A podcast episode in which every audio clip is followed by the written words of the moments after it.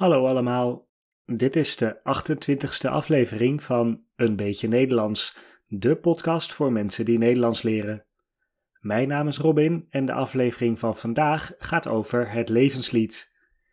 De tekst van deze aflevering kan je meelezen op de website van de podcast www.eenbeetjenederlands.nl. Deze podcast wordt gesteund door de vrienden van de podcast.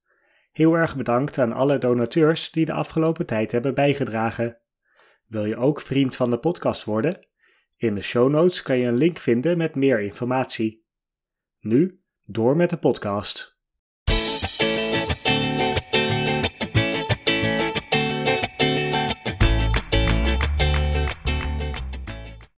In de aflevering van vandaag ga ik het hebben over een bepaald soort Nederlandse muziek, het levenslied. Ik ga zo meteen uitleggen wat voor muziek dat precies is. Maar in deze podcast kan ik de muziek waar ik over ga praten niet zomaar spelen, vanwege de rechten die erop zitten.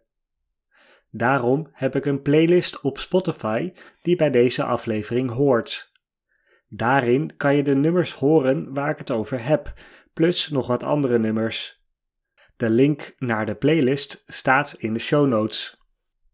In Frankrijk heb je de chansons, in Duitsland slagers, in Amerika country. Allemaal muziekgenres waarbij de teksten van de liedjes gaan over het leven en dan vooral over de donkere kant van het leven. In Nederland heb je ook zo'n muziekgenre en dat heet het levenslied. Over dat muziekgenre ga ik het vandaag hebben. De naam van het genre beschrijft al een beetje wat voor soort liedjes het zijn. Het zijn nummers die gaan over het leven. Over alle aspecten van het leven wordt gezongen. Dan kan je denken aan bijvoorbeeld liefde, vriendschap en verdriet, oftewel nummers met een lach en een traan. Bij het levenslied is herkenbaarheid heel belangrijk.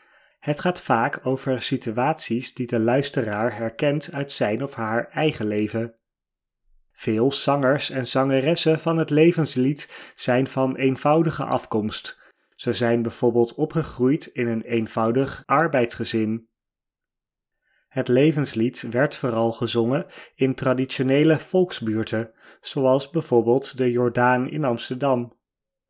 Tegenwoordig is dat een van de duurste buurten van Amsterdam, maar vroeger was het een typische volksbuurt. In deze buurt woonde het gewone volk, vaak relatief arme en laag opgeleide mensen. De huizen in de Jordaan waren een paar decennia geleden nog heel anders dan nu. Slecht onderhouden en met heel veel mensen in een kleine woning. Tegenwoordig wonen er vooral rijke mensen in de Jordaan, maar het levenslied wordt gezien als muziek voor mensen in lagere sociale klassen. Vooral vroeger was dat het geval, tegenwoordig wordt het levenslied door een breder publiek gewaardeerd. Maar het levenslied begon als muziek voor normale, eenvoudige mensen. Voor veel mensen van mijn generatie, die normaal niet zoveel naar het levenslied luisteren, zijn een aantal nummers een soort guilty pleasures. En nog steeds zijn er mensen die neerkijken op het levenslied, vanwege de status dat het genre heeft als volksmuziek. Een levenslied is vaak redelijk simpel. Het bestaat uit een standaard opbouw van een refrein en coupletten. Ook de tekst is vaak eenvoudig en makkelijk te onthouden. Maar dat de tekst simpel is, betekent niet dat de inhoud van de nummers je niet kan raken. Een goed levenslied wordt recht uit het hart van de zanger of zangeres gezongen. Liefhebbers van het levenslied zingen ook graag de tekst mee. Een typisch instrument voor levensliederen is de accordeon. Die hoor je in veel levensliederen terug. Misschien heb je wel eens gehoord van een bruine kroeg. Dat is een typisch Nederlands café. Het is traditioneel een gezellig café met een beetje donker houten interieur en weinig verlichting. Veel bruine kroegen zijn buurtcafés in een volkswijk waar mensen na hun werk een biertje gaan drinken. Het levenslied hoort echt bij bruine kroegen. Zeker later op de avond en s'nachts kan je in veel bruine kroegen het levenslied horen. De reden is duidelijk: Traditioneel zijn het vooral arbeiders en mensen van lagere sociale klasse die naar bruine kroegen gaan, en dat is ook de doelgroep van het levenslied. Er zijn verschillende soorten levensliederen. Een populaire stroming binnen het levenslied is de zogenaamde smartlap. Een smartlap is een lied waarin er over de duistere kant van het leven gezongen wordt. Dus over de dood, relaties die niet goed gaan en ander verdriet. Een heel ander soort levenslied zijn de feestnummers. Die gaan juist over de vrolijke kant van het leven. Ik had het net over chansons en slagers. Opvallend vaak zijn Nederlandse levensliederen covers van Franse, Duitse, Engelse of Italiaanse liedjes. Soms waren de originele buitenlandse versies al bekend in Nederland en heeft een artiest een Nederlandse versie ervan gemaakt. Een Nederlandse vertaling met een mooie nieuwe tekst kan zomaar een grote hit worden. Het is nu eerst tijd voor. De uitdrukking van de week. De uitdrukking van deze week is altijd hetzelfde liedje. Dat is een manier om te zeggen dat het weer hetzelfde probleem is.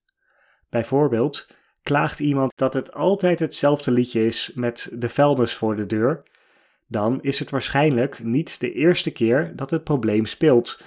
En is diegene er moe van aan het worden dat het nu weer een probleem is. Er zijn een paar populaire zangers en zangeressen van het levenslied. Ik kan ze onmogelijk allemaal noemen, maar een aantal moet ik wel genoemd hebben. De allerbekendste zanger van het levenslied is André Hazes. Hij wordt ook wel de koning van het levenslied genoemd. André Hazes is geboren in 1951 in de Amsterdamse volksbuurt De Pijp. Ook De Pijp is tegenwoordig een hippe buurt, maar vroeger een volksbuurt. Hazes heeft in zijn leven meer dan 300 nummers uitgegeven, waarvan een aantal grote hits zijn geworden. André Hazes is zeer bekend in Nederland, bijna iedereen kent hem wel en vaak ook wel een paar nummers. Een paar van zijn grootste hits zijn Bloed, Zweet en Tranen, Een beetje verliefd en De Vlieger. Zeker die laatste is een voorbeeld van een echte smartlap. De Vlieger gaat over een jongetje die een brief schrijft aan zijn overleden moeder. In 2004 overleed Hazes. Om aan te tonen hoe populair hij was, na zijn dood kreeg hij een afscheid in een volle Amsterdam Arena het voetbalstadion in Amsterdam.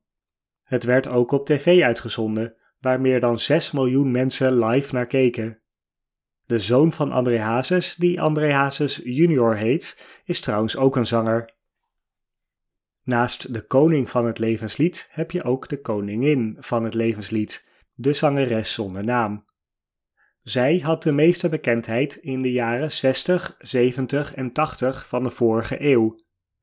Daarom is ze nu minder bekend dan André Hazes, vooral jongere mensen zullen haar niet per se meer kennen. De zangeres zonder naam heeft veel nummers over maatschappelijke thema's uit die tijd, zoals homoseksualiteit, de Vietnamoorlog en racisme. In 1998 is de zangeres zonder naam overleden, na in totaal meer dan 500 nummers uitgebracht te hebben in haar carrière. Veel zangers en zangeressen van het levenslied komen dus uit volksbuurten. Opvallend genoeg komen er ook veel zangers uit het vissersdorp Volendam. Muziek uit dit dorp wordt ook wel eens palingsound genoemd, omdat er in Volendam veel vissers wonen en paling een soort vis is. Voorbeelden van zangers uit Volendam zijn Jan Smit en Nick en Simon. In de jaren 80 was het levenslied minder populair aan het worden, maar sinds halverwege de jaren 90 werd het weer populairder. Een aantal artiesten hebben ook grote hits gescoord, die bijna iedereen in Nederland wel kent. Frans Bauer, André Hazes junior en Jan Smit zijn hier de meest bekende voorbeelden van. Er zijn tegenwoordig op verschillende plekken in het land muziekfestivals waar liefhebbers van het levenslied heen kunnen. Daarmee kom ik aan het einde van deze aflevering over het levenslied. Als je een paar nummers wil luisteren, check dan even de Spotify playlist in de show notes.